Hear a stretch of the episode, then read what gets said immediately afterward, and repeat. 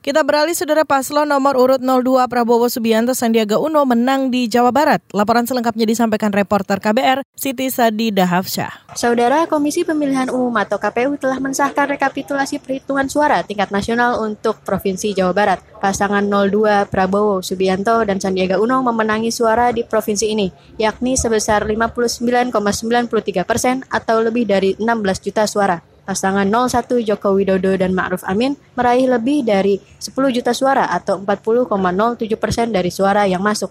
Dengan begitu, pasangan 02 memenangi suara di 11 provinsi dari total 34 provinsi se-Indonesia, sedangkan pasangan 01 menguasai suara di 16 provinsi. Sampai saat ini, tersisa 9 provinsi yang belum direkapitulasi oleh KPU.